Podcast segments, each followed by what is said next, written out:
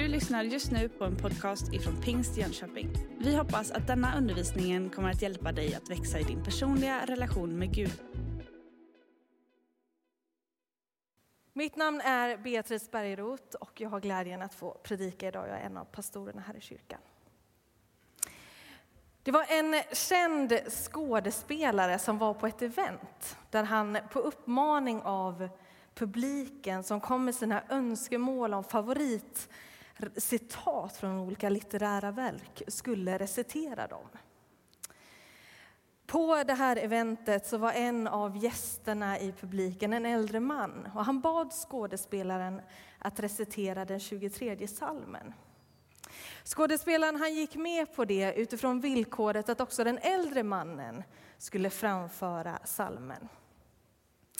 Skådespelaren började, han gjorde en succé med sin framställning. Den var vacker, den var dramatisk. Och efteråt så följde en stor applåd. Sen var det den här äldre mannens tur att framföra det. Hans röst var grov och, och brusten och hans framställning den var allt annat än polerad. Men när han var färdig så var inte ett enda öga torrt i rummet. Senare så frågade någon den här skådespelaren vad är det som skapade den där skillnaden. Då svarade skådespelaren att jag kan salmen, men han, han känner heden.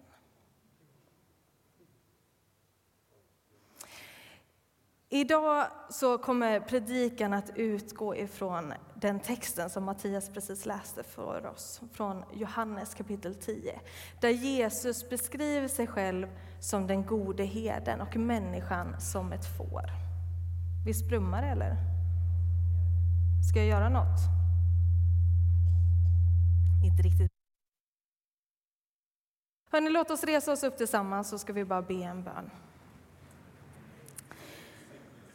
Jesus, vi tackar dig för att vi nu bara får lyssna, Herre, till det som är ditt ord och det du vill säga.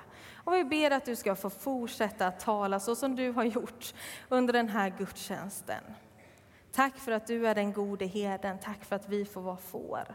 Och jag ber att vi ska få förstå det och komma lite djupare i det som du har kallat oss till, att följa dig. Herre, kom och tala, kom och verka. Vi lägger allting i dina händer. I Jesu namn. Amen. Varsågoda och slå er ner. Jag vet inte hur bekant eh, du är med får. Eh, jag tänkte så att jag, jag, tog eh, med en bild om någon var så osäker. Hur ser får ut nu igen? Så kan de se ut. Eh, när jag växte upp så hade jag en kompis som bodde på landet. en, i alla fall. Och hon hade dessutom får. Så det var ju en väldigt bra kombo egentligen. Det var liksom landet på riktigt på något sätt. Och jag minns att jag var ganska fascinerad när jag var och hälsade på henne och vi hängde med hennes pappa ute i fårhagen och hur när han kom så kom alla fåren springandes emot honom. De kände igen honom och de kom liksom allihopa. Eh, ganska många får. Jag tyckte faktiskt att de var lite otäcka om jag ska vara ärlig. Eh, de stirrade på en och bräkte och jag förstod mig inte riktigt på dem. Kanske gäller djur överlag för min del. För, men när jag läser Bibeln så inser jag att ja, men Bibeln pratar faktiskt ganska mycket om djur. Ungefär 125 sorters djur nämns i Bibeln.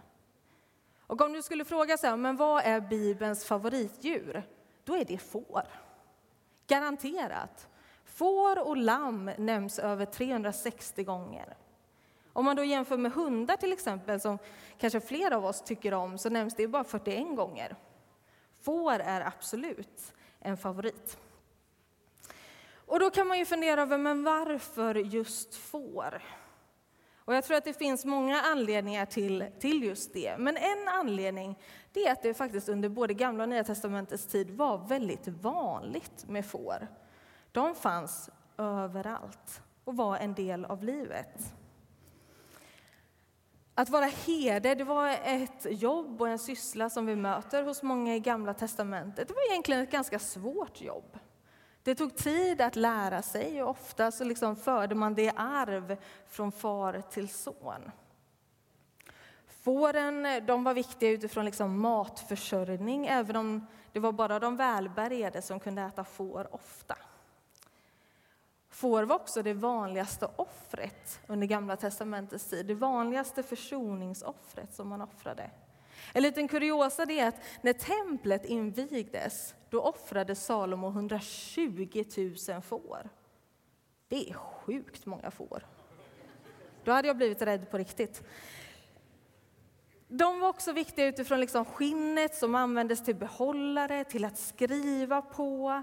Eh, mjölken var en viktig del och det gav kläder och så vidare. Fåren fanns liksom överallt och de var en självklar och en viktig del av livet.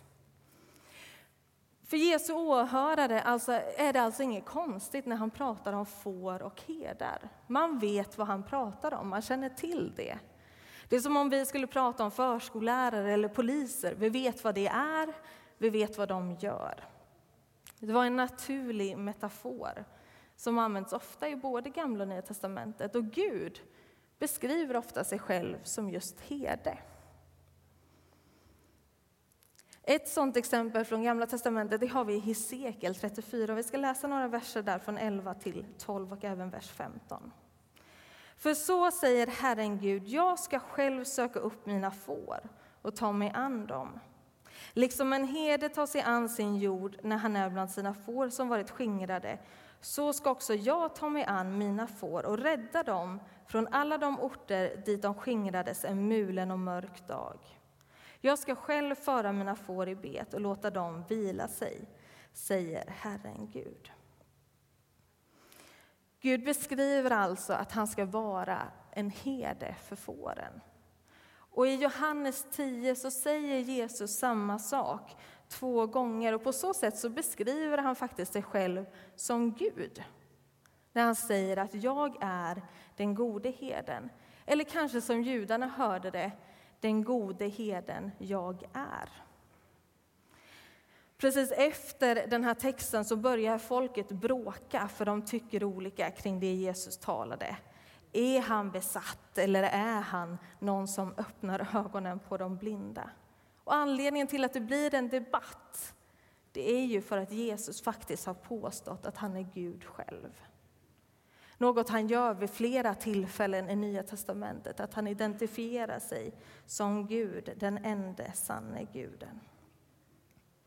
Men Jesus han säger att han är den gode herden, det är i bestämd form och singularis. Och vad är det då som gör honom till den gode herden? Alla herdar var inte bra herdar, men uppenbarligen så finns det vissa likheter mellan liksom herdens omsorg om fåren och faktiskt Jesu omsorg om människan. Och vi ska titta lite på vad är det då som gör Jesus till den gode herden. Det första tror jag man kan säga är just hans relation till fåren. I de första verserna i den här texten så illustreras det på lite olika sätt. Dels genom att han kan komma in genom, i follan genom porten. Han behöver inte smyga runt och ta sig in en annan väg, utan han kan gå genom porten. Och detta är för att vakten känner till honom, han är villig att öppna porten för att det är han som är den rättmätige ägaren av fåren. Och fåren gensvarar till honom när han kommer in för att de känner igen hans röst. Det står också hur han kallar dem vid namn. Det var väldigt vanligt att herdarna gav sina får namn. Namn som de lyssnade till och herden kunde också identifiera vem som var vem. Det var vanligt eh, på Bibelns tid i alla fall, jag vet inte hur det är idag, men att flera olika jordar samlades i samma fårfålla om natten. Att herdarna kom tillsammans med sina jordar och så samlades de i samma fårfålla. Ofta var den rund och omgiven av sten. Och man la gärna på liksom taggbuskar ovanpå så att inte tjuvar skulle komma in och stjäla fåren. Och vid ingången så la sig herden och reglerade på så sätt både vilka som kunde komma in men också att ingen liksom smet ut på det sättet. Och skyddade fåren om natten. Men när det var morgon igen så var det liksom dags för alla de här fåren som hade samlats tillsammans att separeras, att gå med sin herde. Fortsätta att hitta betesmark och så vidare. Ofta räckte det med att herden visslade eller ropade så kom just hans får till honom och följde honom och på så vis så delades jordarna upp.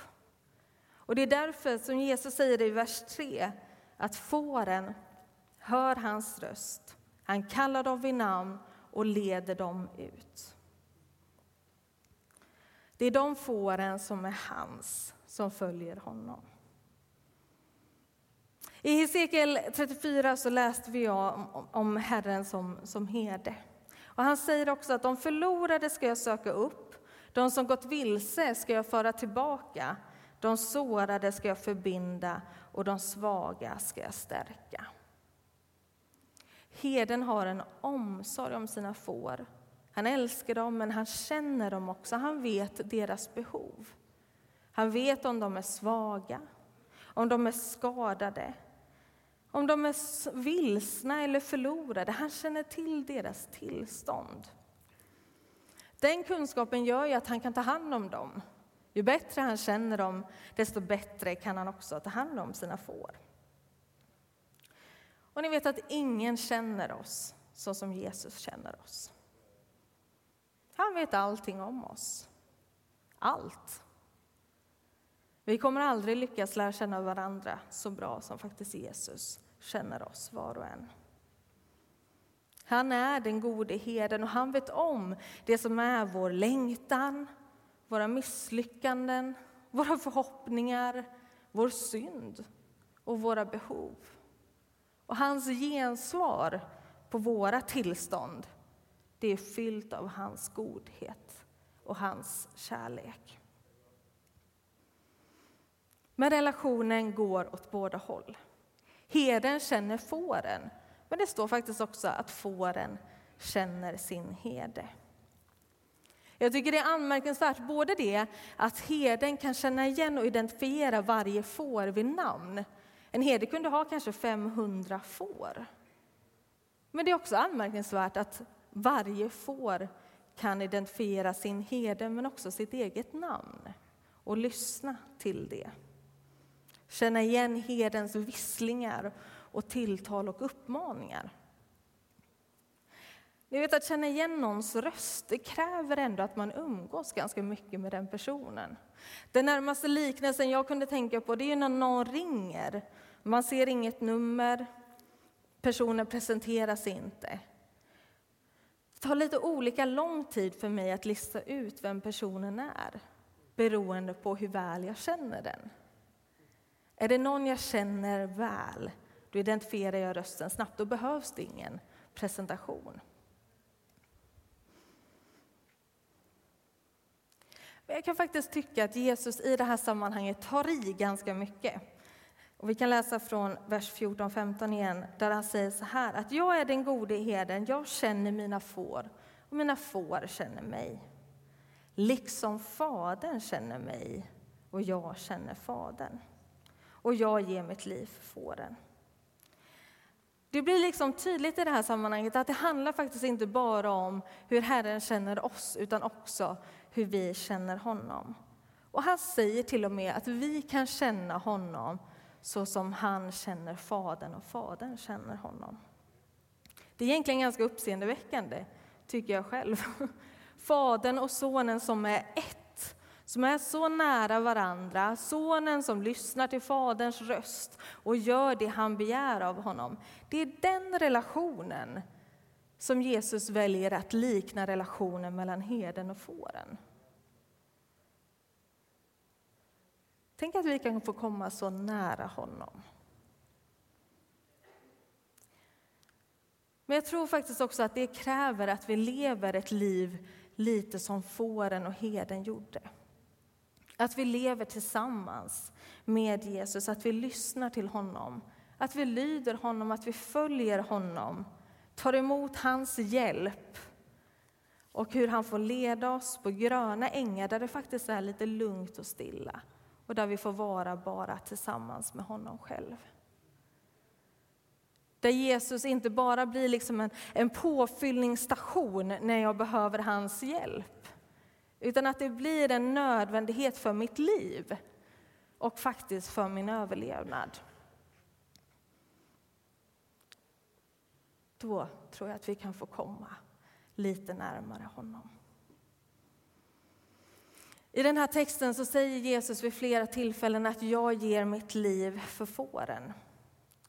Vi läser vers 11 och även 17-18. Jag är den gode herden. Den gode herden ger sitt liv för fåren. Fadern älskar mig därför att jag ger mitt liv för att sedan ta det tillbaka. Ingen tar det ifrån mig, utan jag ger det av fri vilja. Jag har makt att ge det. Och jag har makt att ta tillbaka det.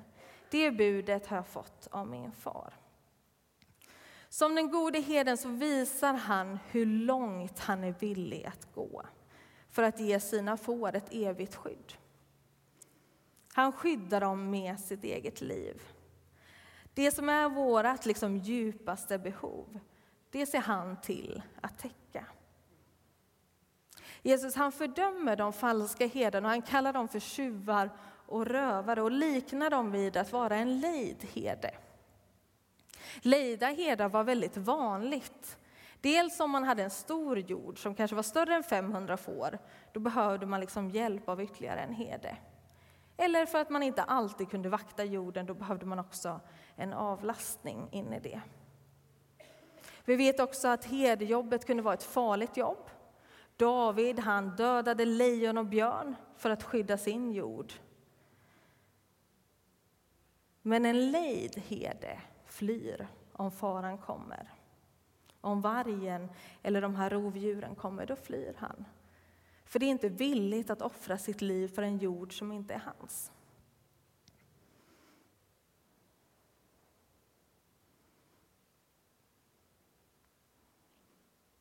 Men Jesus han ger sitt liv för att fåren är hans. Och här ser vi en skillnad från Gamla testamentet där tusentals får har offrats till honom. Här är det istället herden som offras för fårens skull. Men det stannar egentligen inte där. Han offrar inte bara sitt liv för att fåren är hans och för att han älskar dem. Utan han är villig att ge sitt liv för att fåren utsätts för en fara och han behöver rädda dem. Han ger sitt liv för att det är det enda sättet för dem att räddas. Och det är det som gör honom till den suveräne gode heden. Att han dör villigt för sina får för att skydda dem och för att rädda dem. Om vi tar det ett varv till bara. Om vi skulle säga att det är en vanlig liksom, situation med herde och får och så kommer ett rovdjur och herden blir dödad. Då blir ju det en stor fara för fåren, för de lämnas ensamma och övergivna och blir utsatta i det läget. Men Jesus, den gode herden, han vet att om han inte dör, det är då hans flock kommer överges i mörker och ensamhet. Och det var den kunskapen som han behövde och hans vilja att faktiskt möta det behovet som ledde till hans död på korset. Hans död var inte en olyckshändelse.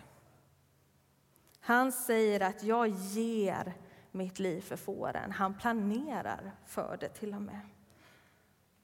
En herde kanske var villig att offra sitt liv, men Jesus visste och han planerade för det. För det var det enda sättet att rädda flocken. Det var inte av rädsla för liksom vargens angrepp och det hotet som kom, utan det var hans egen auktoritet som ledde honom till att ge sitt liv för att sedan kunna återta det igen, för våran skull. Vers 17-18. Fadern älskar mig därför att jag ger mitt liv för att sedan ta det tillbaka. Ingen tar det ifrån mig, utan jag ger det av fri vilja. Jag har makt att ge det och jag har makt att ta tillbaka det. Det budet har jag fått av min far. Ni vet att hans offer vänds i seger. Genom hans uppståndelse då han tar tillbaka sitt liv. Det är en makt och det är en auktoritet i det som Jesus väljer att göra. Och fåren, de överges inte i mörker och ensamhet, utan de erbjuds liv och liv i överflöd. Vers 10 säger att tjuven kommer bara för att stjäla, slakta och döda. Jag har kommit för att de ska ha liv och liv i överflöd. Den välkände salmen, psalm 23 med Herren är min herde, mig skall inget fattas, slutar med orden Ja, godhet och nåd följer mig, ska följa mig alla mina livsdagar. Ni vet att det liv som Gud ger, det är ett liv och ett liv i överflöd. Där varje dag får följas av hans godhet och hans nåd. När han är våran herde, då är det ett löfte att lita på. Och Bibeln den talar ju gång på gång om att vi inte ska oroa oss. Och jag tänker att den gör det för att vi har lite lätt för att göra det. I alla fall kan jag ha det. Men när Herren är vår herde, då ska inget fattas oss. Inget, för han älskar oss. Han har gett sitt liv för oss och han tar hand om oss utifrån det som är våra behov. Och hans godhet och hans nåd följer dag efter dag. Jag tänker att livet med Gud är inte tänkt att vara ett liv där vi går tyngda med krav och oro. Utan det är just detta det är tänkt att vara. Ett liv i godhet och nåd och i överflöd. Det är det livet som Gud vill ge oss. Det står att hans frid övergår allt förstånd, för det är inte alltid logiskt med tanke på omständigheterna. Utan det är någonting som vi kan få ta emot från honom själv. Han känner oss, han vet vad vi behöver. Ibland så tror jag att vi också behöver inse vårt behov av hans hjälp. Jag vet inte hur lätt du har eh, att identifiera dig med ett får. Eh, jag kan själv tycka att det är lite svårt, men jag känner inte ett enda får heller. Vi kanske är jättelika egentligen. Men som jag ändå har förstått det så finns det ju vissa likheter man ändå kan se mellan människor i allmänhet och, och just får. Eh, en sån sak är att får följer massorna utan att tänka så mycket på konsekvenserna. Går ett gäng får hitåt, då är risken att alla andra hänger efter och man vet inte riktigt var man tar vägen. Jag vet inte om, om vi är sådana riktigt, men vi kan ju tendera till att följa massorna och då blir det ju ännu viktigare vem som faktiskt är herde och vem som leder fåren. För att inte hamna fel. För jag tror att vi alla mer eller mindre i alla fall letar efter någon att följa. Och blir vi lite osäkra eller hittar inte det, då är risken att vi känner oss lite vilsna. Och det är faktiskt också någonting som Bibeln säger vid flera tillfällen, att, att vi är som vilsna får utan herde.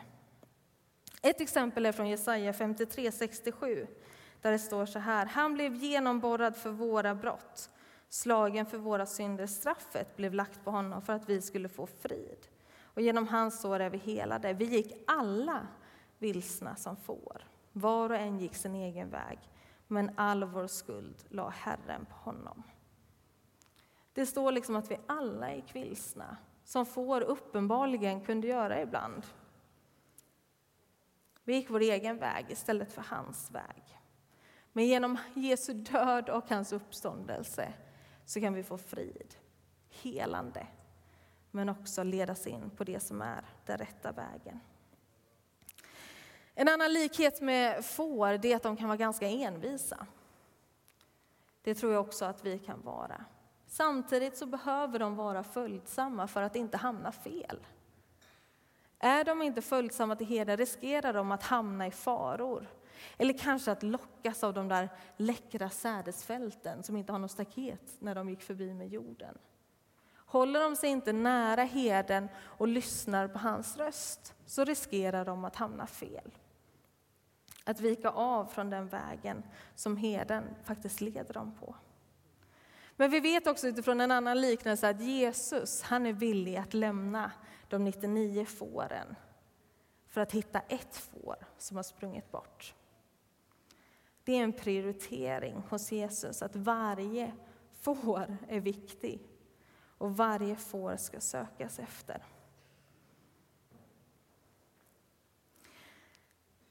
En av de första frågorna som Gud ställer till människan i skapelseberättelsen det är var är du? Var är du någonstans? Gud han söker efter dig och han söker efter mig.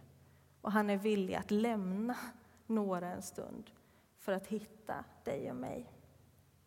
Och när han hittar oss och vi låter oss finnas av den gode herden, då vänder han tillbaka firandes.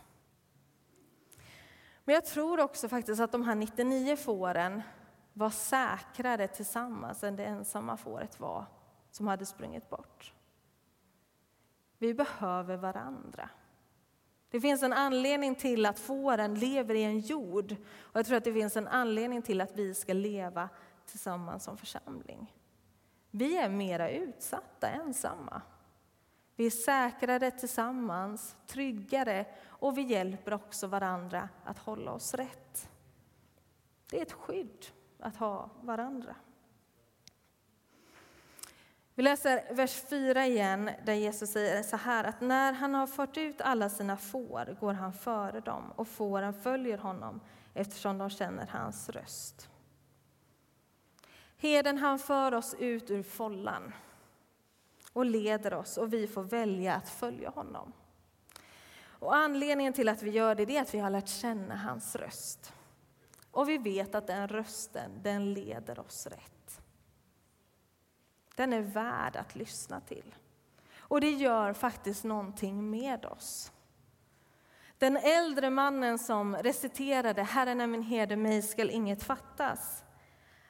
Han kände heden och det skapade en helt annan atmosfär i rummet än det som skådespelaren i all sin kunskap och talang kunde framföra. Det gör skillnad att känna heden. Det gör det.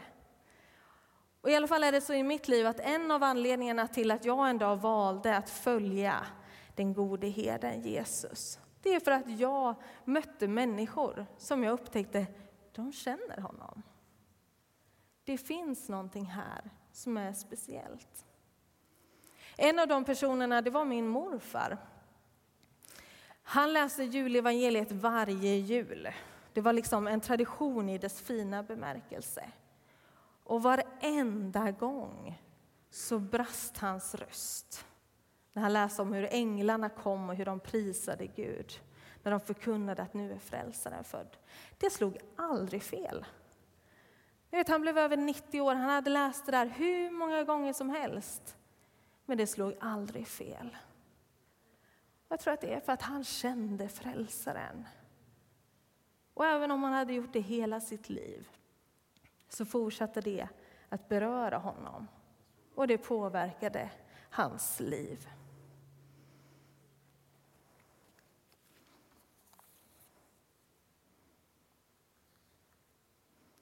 Heden kallar på dig och heden kallar på mig. Jag ska be lovsångsteamet komma upp så ska vi gå mot en avslutning. Jag tänker att vi ska läsa psalm 23 också tillsammans. Det står så här att Herren är min herde, mig skall inget fattas. Han låter mig vila på gröna ängar, han för mig till vatten där jag finner ro. Han ger liv åt min själ. Han leder mig på rätta vägar för sitt namns skull. Även om jag vandrar i dödsskuggans dal fruktar jag inget ont, för du är med mig. Din käpp och din stav, de tröstar mig. Du dukar för mig ett bord i mina fienders åsyn. Du smörjer mitt huvud med olja och låter min bägare flöda över. Ja, godhet och nåd ska följa mig i alla mina livsdagar och jag ska bo i Herrens hus för alltid. Om det nu är så att vi är får, då behöver vi våran herde, Jesus Kristus. Och han är här idag.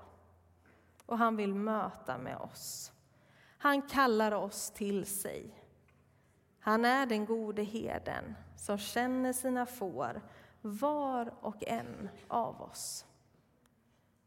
Och han älskar så, oss så högt att han gav sitt liv för oss. För att vi skulle få liv och liv i överflöd. Jag vet inte vilken situation som du befinner dig i idag. Om det är så att du är på de där gröna ängarna och betar. Eller om du känner dig svag, skadad. Kanske som det där hundrade fåret som har sprungit bort.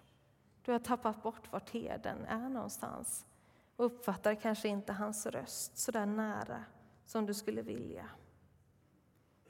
Då är herden här. Han kallar dig vid namn. Han känner dina behov och han vill möta dig där du befinner dig och ge dig liv och liv i överflöd. Så tveka inte att söka dig närmare honom. Han vill ditt allra bästa. Låt oss ställa oss upp och be en bön tillsammans. Herre, vi ber att du som är den gode herden, att du verkligen ska få vara det i våra liv. Men att du också ska hjälpa oss att vara får som följer dig, som lyssnar till din röst. Som uppfattar den bland alla andra röster, alla andra herdar. Så vill vi att din röst ska få vara den vi lyssnar till. Herre, du vet våra behov. Du vet allting om oss, Herre. Och du bemöter oss med din godhet och din kärlek. Och Herre, vi ber att du ska verka nu, Herre. Du vet när vi kommer inför dig, sådana som vi är. Tack för att du tar emot oss. Tack för att du jublar över att vi kommer till dig. Så låt oss få ett möte med dig, Jesus, den här stunden. Låt oss få se dig tydligare. I Jesu namn. Vi ska få vara inför Herren en stund tillsammans, vi ska lovsjunga. Vi får sträcka oss mot honom. Vill du att någon ber för dig så är du välkommen in i den delen. Där finns det människor som är redo att be för dig oavsett dina behov. Kom som du är. Kom inför honom och låt honom få göra det som bara han kan göra. Herren kallar på dig. Var är du? Var är du? Vi inbjuds idag att ge vårt gensvar till honom, att säga vårt ja. Till att följa honom, till att lita på honom, till att hålla oss nära honom. Låt oss söka honom tillsammans. Amen. Du har just lyssnat på en podcast ifrån Pingst Jönköping. För att få reda på mer om vilka vi är och vad som händer i vår kyrka så kan du gå in på pingstjonkoping.se eller följa oss på sociala medier via pingstjkpg.